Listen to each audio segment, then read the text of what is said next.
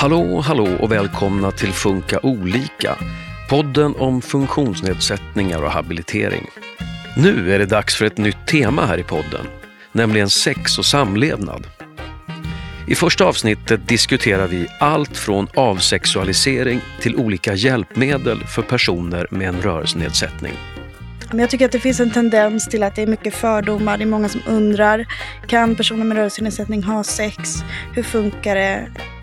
Det största problemet är att om en person inte ses som en sexuell individ så kommer den personen eventuellt kanske också att tänka att de inte är sexuella mm. individer och dra sig bort från, från samhället.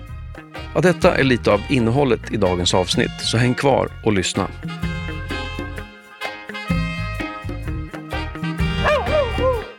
Temat här i podden är funktionsnedsättningar och sex i de kommande två avsnitten. Och det ska jag som heter Åsa Melin Mandre prata om tillsammans med spännande gäster. Och idag så har jag sällskap av Agnes Wimo Grip som har arbetat med projektet Sex i rörelse som RFSU i Stockholm driver. Hej Agnes! Hej! Och förutom det, du sitter också själv i rullstol. Ja. Välkommen! Tack så mycket! Dessutom är Stefan Balog sexolog och arbetsterapeut här. Välkommen! Tack, hej! Stefan, du är också förmodligen Sveriges enda sexvägledare för personer med rörelsenedsättning. Ja. Stämmer det? Ja. Alltså tyvärr, jag hittar ingen som jag kan ha på som bollplank och prata med i dessa frågor. Behövs det inte fler? Jo, det behövs ja, minst en hundra till skulle jag tippa.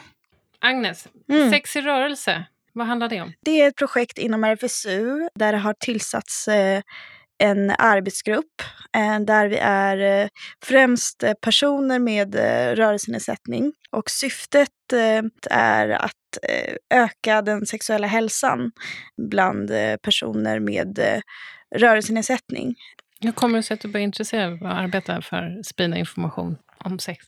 Jag tror att det är alltså lite som jag tror vi kommer prata ännu mer om i podden just, att eh, jag tycker att det pratas lite om. Jag tycker att det finns en tendens till eh, avsexualisering av eh, personer med rörelsenedsättning. Att eh, det saknas kunskap. Och eh, jag vill gärna också lägga fokus på eh, alltså att det ska spridas information till personer med rörelsenedsättning, men också till personer som inte har rörelsenedsättning. Jag tycker att det finns en tendens till att det är mycket fördomar. Det är många som undrar, kan personer med rörelsenedsättning ha sex? Hur funkar det? Och så.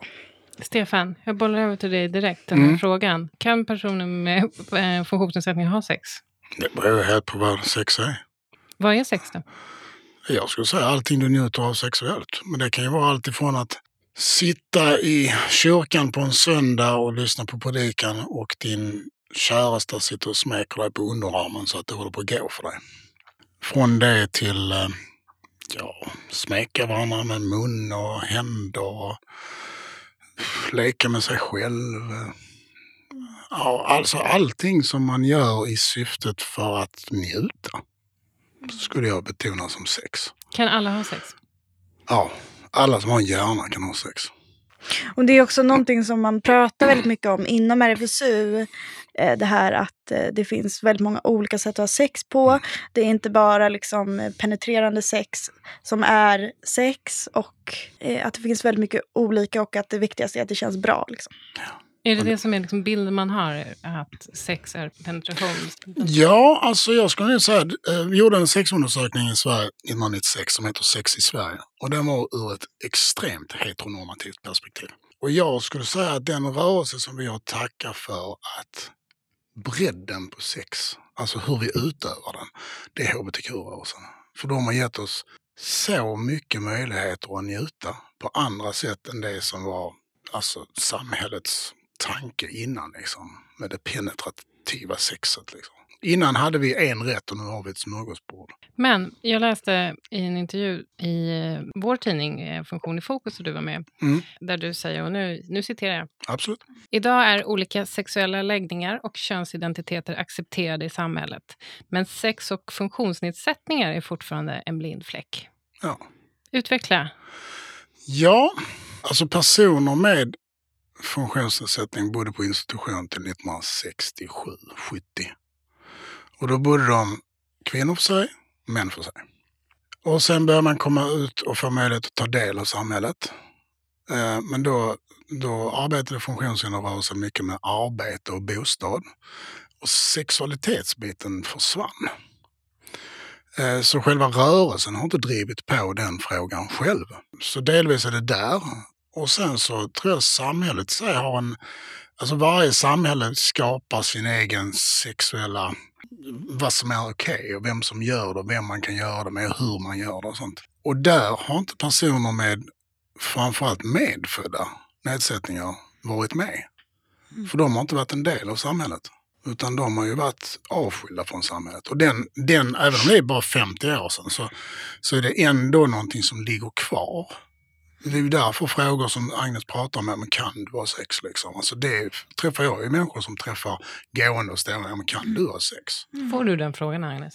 Ja, det har absolut hänt. Eh, också eh, ganska mycket frågor om känsel eh, och sådär, där man förstår att eh, undertonen är att de undrar kring, kring eh, hur det sexuella fungerar.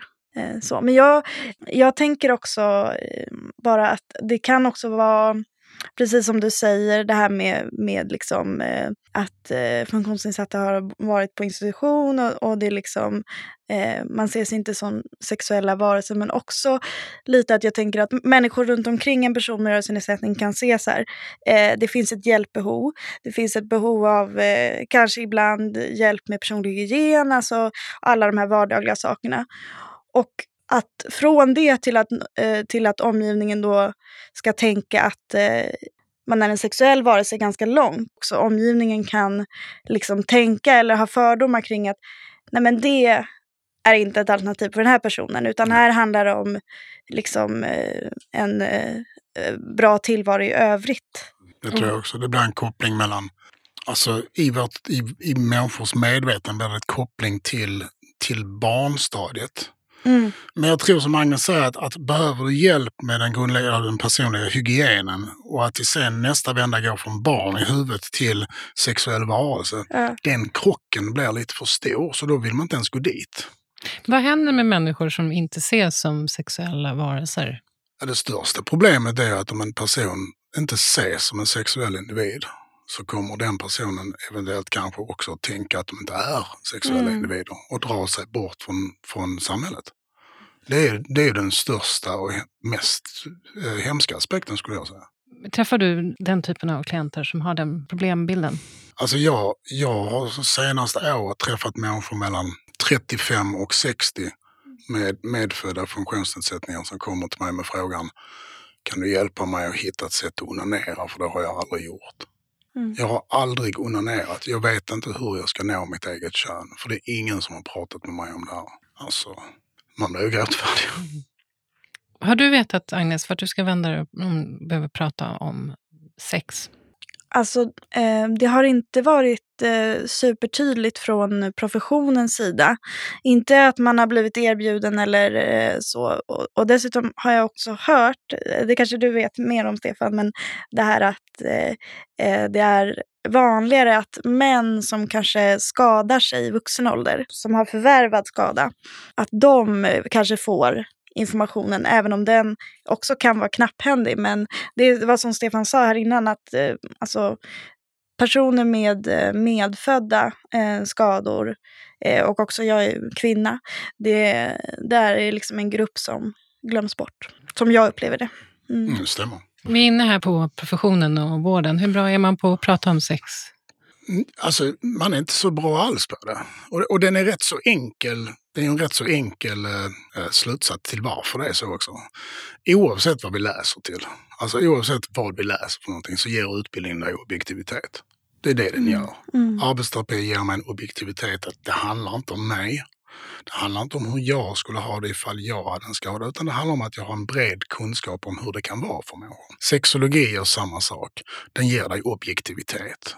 Det handlar inte om min sexualitet när jag pratar med någon. Det handlar om den personens sexualitet. Men, men har jag ingen utbildning, då har jag bara en sexualitet att utgå ifrån. Och den ska ju inte ens blandas in i ett samtal.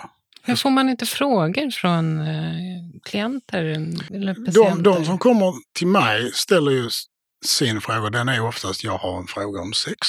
Och jag har frågat, ja, för det handlar ju inte om sex, det är det det kommer fram till sen. Och då brukar jag fråga, varför ställer du inte frågan till någon annan? Ja, men läkarna har ju inte berättat att min funktionsnedsättning skulle ge mig svårigheter i det sexuella området. Fysioterapeuten har inte sagt någonting, arbetsterapeuten har inte sagt någonting, logopeden har inte sagt något, dietisten har inte sagt något. Så då är det ju, då måste det ju vara ett sexuellt problem eftersom det, det är ingen som har sagt någonting om att konsekvensen av min funktionsnedsättning kan ge problem på detta området. Alltså om man också om man vill se positivt på det så skulle man ju kunna se det som att eh, det inte tas upp för att eh, professionen då tänker att nej men det är självklart att alla kan ha sex och eh, det löser det löser alla själva, men tyvärr tror jag inte att så är fallet. Utan det är mer tvärtom, att de tänker att eh, det är en okänd arena, vi, vi går inte in där. Jag Eh, orkar inte ta det som kommer, eller jag, jag klarar inte av det. Nej. Agnes, du gick i, i skolan och fick en vanlig Mm. sexualupplysning. Precis. Var det någonting som var anpassat för att du har en rörelsenedsättning? Nej, eh, det var inte, men eh, eh, det känner inte jag eller att jag saknade just därifrån heller. För jag tänker att jag vet inte på vilket sätt som man skulle behöva anpassa den. Alltså det är ju lite det också som vi försöker att eh, föra fram i den här arbetsgruppen och så. Att eh, eh, det kan ju vara att man har andra erogena zoner, till exempel om man har en rörelsenedsättning. Eh, det kan vara att man behöver hitta andra lösningar. Men i övrigt så är det ju ingen skillnad. Det är samma sak. Ja, Mm. Samma kropp, Det är hela poängen, att det är samma, Ja. samma sak, samma Ja. sexuella behov. samma Precis. kropp, samma lust. Ja. Men vad är det för eh, problem som du hjälper dina patienter med, Stefan? Eh, kommer jag vara lite fyrkantig. Vi, våra klienter kallas VD. Det är de som är chefer över sina Ja. liv. Men din, dina vd du har Ja, många, gissar många jag. VD. vad, Eh. vad är det de behöver hjälp med? Alltså eh, praktiska lösningar i sexuella situationer. Det kan vara, eh, jag når inte mitt kön. Eh, hur gör jag då? Ja, I mitt huvud som arbetsterapeut är inte det ett sexuellt problem. Det är ett rörelseproblem. Alltså jag har problem att nå mitt kön. Det är kroppen som... Konsekvenserna av funktionsnedsättning gör att handfunktion och armfunktion inte fungerar. Nej, men då får vi hitta på ett hjälpmedel som, som gör det möjligt för dig att smeka dig själv. Vad kan det vara för hjälpmedel? Ja, Etax beauty-serie, den här man tvättar sig med och sånt. De har en, en, en förlängningsarm som man kan tvätta sig med. Eh, och händerna uppemot bröstet eller mot eh, halsen så kan man använda den, sätta på en klitorisvibrator. Och även om du är man eller kvinna eller transsexuell så, så kan du smeka ditt eget kön. Eh, så hitta olika förlängningar som kan göra det möjligt att smeka sig själv. Och där är den arbetsterapeutiska Ja. kompetensen som Ja. kommer in. Ja, Ja, det är den som kommer in i nästan varenda ett samtal. Det är, det är inte så jättemånga samtal som är sexuell vägledning, alltså rådgivning på den sexuella utförandedelen. För de, de jag möter har inte ens fått möjlighet att komma dit. Så, så det är mycket, mycket kring anpassningar. Jag eh, hittar ingen ställning att kunna ligga i tillsammans med mig själv. Jag kan inte smeka mig själv i, när jag ligger i sängen. Och då brukar jag säga att nej, men med din funktionsnedsättning så är sängen ett rent tortyrinstrument. Varför sitter du inte kvar i rullstolen eller lägger dig i soffan eller kör i duschen? Ja, men kan man göra det? Men det är, man ska ha sex i sängen. Och där kommer de här sociala reglerna igen. Det är sängen man ska ha sex i. Går det att säga vilka som är de vanligaste sexhjälpmedlen som du Nej. arbetar med? Nej, där är det... Vi är fyra personer i detta rummet. Och vi fyra har helt unika... Vi har en ljudtekniker i Erogena- rummet. Ska vi erogena zoner Den fjärde som- som... inte lyssnar här. Vi har, vi har, vi har fyra unika njutningsupplevelser i detta rummet som kräver fyra olika sexuella hjälpmedel för att det ska vara skönt för oss. Det finns ingen, det är som att säga att eh, ja, men är du man och har en röd skjorta på dig, då gillar du blåa buttplugs. Det funkar liksom inte. Det är olika. Totalt. Ja. Men för den som lyssnar på det här, om man skulle ändå kunna, kan man kategorisera det på något sätt? Ja, alltså jag skulle, jag skulle utgå ifrån vad jag kan göra. Alltså har jag hand och fingerfunktion? Kan jag liksom föra pekfinger och tumme mot varandra? Ja, men då har jag ett grepp. Kan jag föra den greppet ner till könet? Ja, men då har jag ett grepp och en möjlighet. Och då gäller det bara att försöka hitta ett hjälpmedel som passar ihop med det. Så, så allting utgår ifrån vad jag kan göra. Jag träffar ju oftast inte personer som har den förmågan. För de löser det själv. Eh, jag pratar ju med personer som inte har den förmågan. Och där blir det, ja men funkar benen då?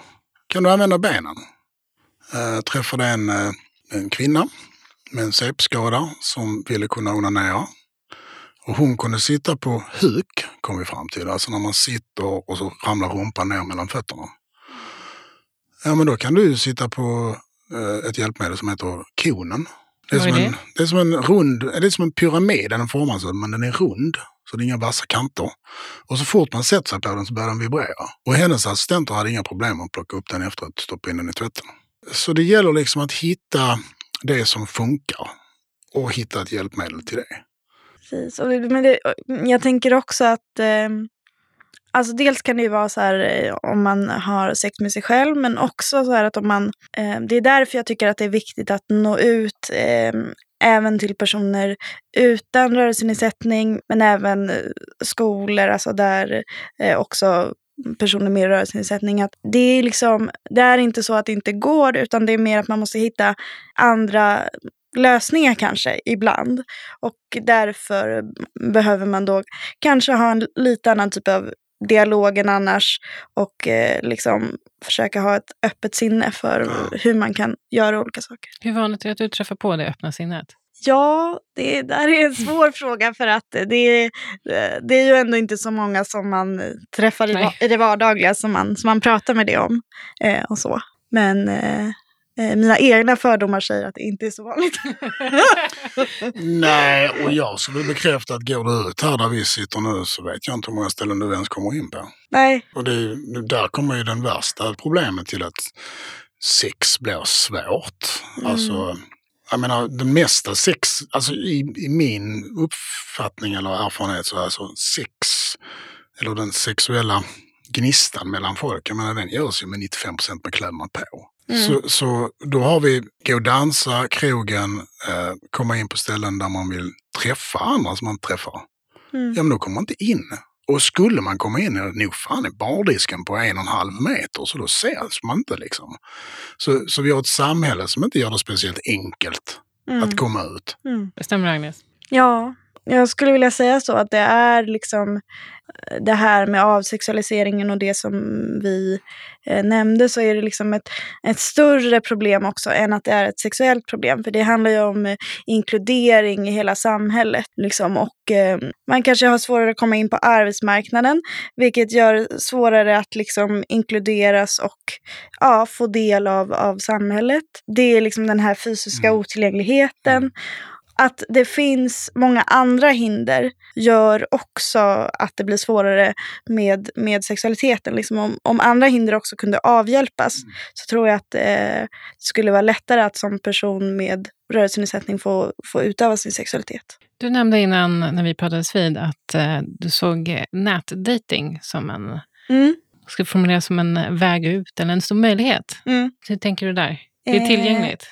Eh, ja, precis. Och Eh, det kan ju låta lite, lite hemskt när man, när man säger det så, men just baserat på att folk har kanske fördomar och eh, det råder okunskap och så, eh, så har jag sett det som en möjlighet eftersom man då kan prata mycket först. Mm. och sen kan man ses också. Jag kommer precis från en, en fyraårig relation där jag träffade mitt ex på dejtingsida. Ja, nätdating fungerar nog för alla. Ja, det är inte... Ja. Det, är, det är ett effektivt sätt att, att Precis, och, så, och sen att liksom också eh, så får man ju, eh, man, alla får göra som de vill om de vill säga det direkt eller mm. till och med vänta tills man ses eller så. Men i alla fall så kan man ju där, alltså om man sen eh, meddelar då att jag har en rörelsenedsättning och den andra personen till exempel inte svarar eller ja, då var inte den så mycket att ha då. Det är ganska, det är ganska tydligt. Ja. Vi slår ett slag för nätdejting. Ja. Ja, det gör vi. Det tycker jag Den är ju verkligen. tillgänglig för alla. Liksom. Ja. Ja. Du, du har ju nämnt flera gånger, Agnes, men ändå borra lite mer i just den här frågan om avsexualiseringen. Ja. Ehm, liksom, hur yttrar det sig för dig? Eh, nej, men det är väl just den här känslan eh, av eh, att andra undrar om man kan ha sex. Men också lite grann den här känslan eh, som jag kan uppleva ibland att eh, eh, och det är ju bara min upplevelse. Så jag vet ju inte om det ligger någon sanning i det eller om det bara är mina tankar. Men att ibland kan det kännas som att eh, personer utan rörelsenedsättning de upplever inte att jag har sex appeal eller att vi inom funkisrörelsen har sex appeal för att eh, man tänker att det inte går och så vidare. Ja, alltså jag, jag håller med där. För att det är ju inte så mycket som att ungdomsmottagningar berättar för Nej. ungdomsmottagningar eller absolut Och de innan ofta, sex i rörelsen. de är ofta också otillgängliga. Ja. Så att, så att många inte ens kan ta sig in. Man kommer inte ens in där. Nej. Vart vänder man sig för preventivmedel och dylikt? Ja, Om man inte ens eh, kommer in på ungdomsmottagningen? Nej, precis. genom nej, men dörren? det är ju svårt. Alltså jag, jag har ju möjlighet att gå eh, lite grann eh, och sådär. Men det är, ju, det är ju problematiskt. Jag tror att många kanske vänder sig till nätet. Alltså beställer på nätet. Eh, men jag har också mött eh, just att barnmorskor också blir eh, osäkra. Det finns en osäkerhet när man går på gynundersökning och så. För att eh, nu har, kan jag flytta mig då till en gynstol men det är ju... Men man märker att det blir en osäkerhet kring om jag kan det och lite vad ska vi göra om jag då inte skulle kunna det. Att då finns det inte riktigt någon lösning. Det är en återkommande fråga att, att kvinnor ringer eller kommer in och frågar finns det en gynmottagning som har lyft? Mm. Och vi hittade, men nu var det rätt så länge sedan, 2008 fanns det en gynmottagning på Sabbatsberg. Eh, Men då var det tvungen att en av sköterskorna var där för det var hon som var den enda som kunde ta hand om lyften. Det tycker jag är liksom skamligt. Det är knutet till en undersköterska eller en sköterska. Liksom. Mm. Så, så den, den håller jag med om. Alltså ungdomsmottagningarna, det hände ju någonting, nu ska vi säga 2018, 2016 så försvann eh, Skärholmens ungdomsmottagning som en specialmottagning för Mm. ungdomar med funktionsnedsättning. Eh, för då bestämde man att alla ungdomsmottagningar i hela Sverige skulle kunna ta emot alla sorters ungdomar med alla sorters funktioner. Och de har haft två år på sig eh, och, och de har inte kommit dit där Skärholmen faktiskt hade kommit till, för då flyttade de till nya lokaler som var totalt tillgängliga. Så Skärholmens ungdomsmottagning är nog den som är mest tillgänglig. Och det är fortfarande den som troligtvis har mest kunskap. Och de, jag tror de försöker lära ut mycket av sin kunskap till, till övriga ungdomsmottagningar. Är du över 25 så får du se om du kan hitta en tillgänglig sex och samlevnadsmottagning. Det finns några stycken. Sesam City finns, eh, SÖS har en, Huddinge sjukhus har en, Danderyds sjukhus har en och Karolinska Solna har en. Jag skulle ringa först och kolla om du kommer in eh, och om det finns lyft eller positioneringshjälpmedel på stället innan du ens går dit. Preventivmedel. Eh, jag kan säga att på Bosse började vi i år att eh, dela ut kondomer. Så vi har både latexfria och eh, latexkondomer som är gratis. Eh, så det är bara att komma till Bosse om det behövs. Ett annat område är om man har personlig assistans och vill ha sex. Hur får man till det? Ja, rakt av på studs så är det beroende på hur öppen du nog har varit med dina assistenter från, från anställningstiden. Alltså från när du har anställt dem. För även om det är en mänsklig rättighet att faktiskt ha sex, så om du inte berättar det för assistenten så kommer fördomarna som, som Agnes har pratat om, att du är asexuell. Så eh, de som berättar från början att jag har en relation och jag kommer behöva hjälp, där tror jag inte det är några problem. Eh, har du redan assistans och eh, börjar ha partner eller vill kunna onanera själv, då träffar jag ju eh, vd som har assistenter och då har vi utbildningar för, okej, men vad är en sexuell aktivitet? När blir det sexuellt för assistenten? Och när blir det sexuellt för, för vd? Och där bryter... Så säga med. Ja, ja, ja, ja. ja, men Det är ju chefer över sina egna liv. Liksom. Ja. Eh, och då pratar vi, då bryter vi ner aktiviteten. Och om personen då behöver hjälp med att, att hjälpmedlet ska sättas fast någonstans, det ska läggas i glidmedel eller det ska sättas på glidmedel. Var går gränsen? När blir detta sex? Och när vi gör det så, så är det ju rätt många assistenter som, det här är ju inte sex. Ja, men vad skönt. Så då löser det sig. Eh, och ska det vara tillsammans med en partner, då får man göra samma sak. Men finns det en motvilja skulle du säga? Jag skulle säga att det finns eh, olika personer som är olika öppna med att prata och arbeta med dessa frågor. Det finns assistenter som är positiva att hjälpa till och de känner oftast lite oro för att om de hjälper till kommer de att förlora jobbet då. Kommer de andra assistenterna att stigmatisera dem? Ni berättade lite för mig innan att Sverige kanske ligger lite efter på det här området. Agnes, du hade Mm. till och med skrivit uppsats om det. Ja, jag gjorde en, eh, en komparativ eh, eh, studie med Danmark när jag skrev min, en B-uppsats och så. Alltså, ja, de har en, en lite mer liberal syn skulle jag säga. Med det inte sagt, eh, alltså det finns ju många eh, länder i, i Europa och i andra delar av världen, alltså där Alltså jag kommer åter till det här med att ja, men arbetsmarknaden, andra eh, arenor i samhället, att eh, där man inte ens ser personer u- utomhus, där det är så otillgängligt att man kan inte ens eh, röra sig liksom, på Mm. gatan. Och eh, liksom ur eh, ett visst eh, funktionshinderpolitiskt perspektiv så har vi kommit ganska så långt Mm. jämfört eh, med andra länder. Sen kanske Mm. de, just Danmark då, har det mer utvecklat på det här området. Mm. Men samtidigt eh, så är det till exempel inte så fysiskt tillgängligt på gatorna. Hur fungerar det i verkligheten hos de som har personligheten? Vågar man prata om det här? Får man den hjälp man behöver? Ja och nej, skulle jag vilja säga. Alltså det finns, eh, det finns ju rätt många assistansbolag. Går man upp på assistanskoll så tror jag det är någonting på 158 stycken i Stockholm bara. Och det är lite grann beroende på assistansbolagets inställning till människor med funktionsnedsättning. Alltså människosyn. Och, och vissa assistansbolag satsar på utbildningar. Eh, de informerar assistenter, de informerar sina brukare. Så, så vissa tror jag har en, en bättre människosyn än andra.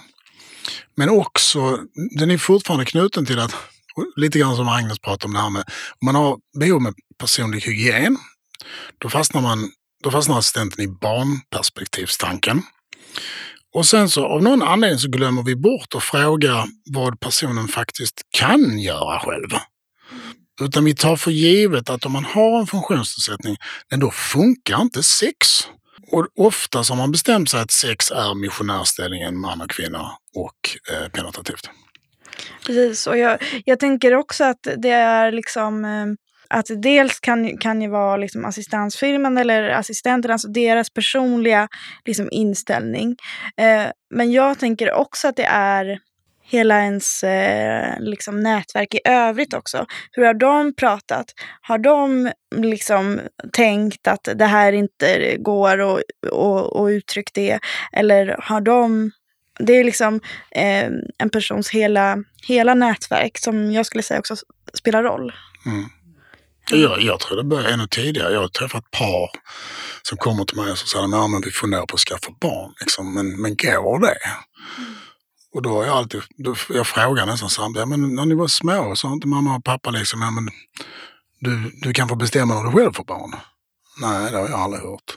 Och sen tänker jag också att det är där liksom att man behöver bedriva ett arbete där man stärker självkänsla Mm. och sådana bitar. För att om personen får inte den frågan, eh, men då kanske man inte heller har tagit upp det själv. Och då kan det ju också bli att omgivningen tänker, nej men personen har ju inte pratat om det här själv, så jag ska verkligen inte fråga, för att annars hade personen tagit upp det. Och den är, jag tycker den är fruktansvärd. Alltså alla, jag tänker vårdgivare, eh, sjukhus, socialtjänst. Alla professionella har en skyldighet att ta upp frågan. Alltså, har du frågor om sex och samlevnad som du skulle vilja ta upp?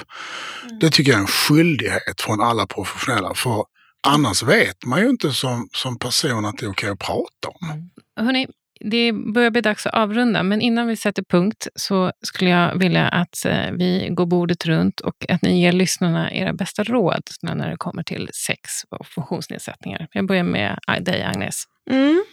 Um, jag skulle nog säga att det är uh, lite grann som vi varit inne på, att tänka på att uh, sex kan vara så mycket. Uh, och att det inte bara är det här penetrerande utan att det finns uh, massa olika som smeksex eller uh, massa olika ställningar och, och så. Och att det viktigaste är att det känns bra. Och att man tänker på att eh, eh, man har lika stor rätt att utöva sin sexualitet eh, som alla andra som inte har rörelsenedsättning. Stefan, vad säger du? Ja, alltså jag skulle börja med att säga att alla är sexuella. Det är punkt nummer ett. Sen skulle jag, jag skulle vara med inne på Agnes där, att, att ta reda på vad du tycker om. Ta reda på vad du tycker om att göra med dig själv. Lär dig om dig själv. Hitta var dina erogena zoner är någonstans. Kan du inte nå med händerna, kan du ligga på en kudde, kan du hitta tekniker och strategier för att nå din egen kropp. Och njut så mycket du kan. Så när du träffar en annan person så kan du faktiskt berätta att det här gillar jag. Mm. För det är ju också det som är så himla viktigt. Att eh, jag tror att man i högre utsträckning med en rörelsenedsättning behöver tänka så här att det behövs dialog. Ja. Och om man kan känna sig bekväm med det så kan man komma liksom långt på det. Ja. Att det är superbra om man vet vad man gillar. Stort tack för att ni kom hit till podden idag. Agnes Vimo Grip och Stefan Barlow. Tack så mycket. Tack så mycket. Med det säger vi tack och hej. Hej då! Ja, det var allt från Funka olika för denna gång och Funka olika är en podd som görs av Habilitering och hälsa i Stockholms läns landsting. Vill du veta mer? Missa inte vårt nya nummer av tidningen Funktion i fokus. Där är nämligen Stefan Balog en av experterna som ger råd om hur man kan agera när sex blir ett dilemma. I nästa avsnitt pratar vi om vanliga funderingar som föräldrar till ungdomar med intellektuella funktionsnedsättningar har kring deras barns sexualitet. Och vi får handfasta råd kring hur man kan agera i olika situationer. Lyssna då!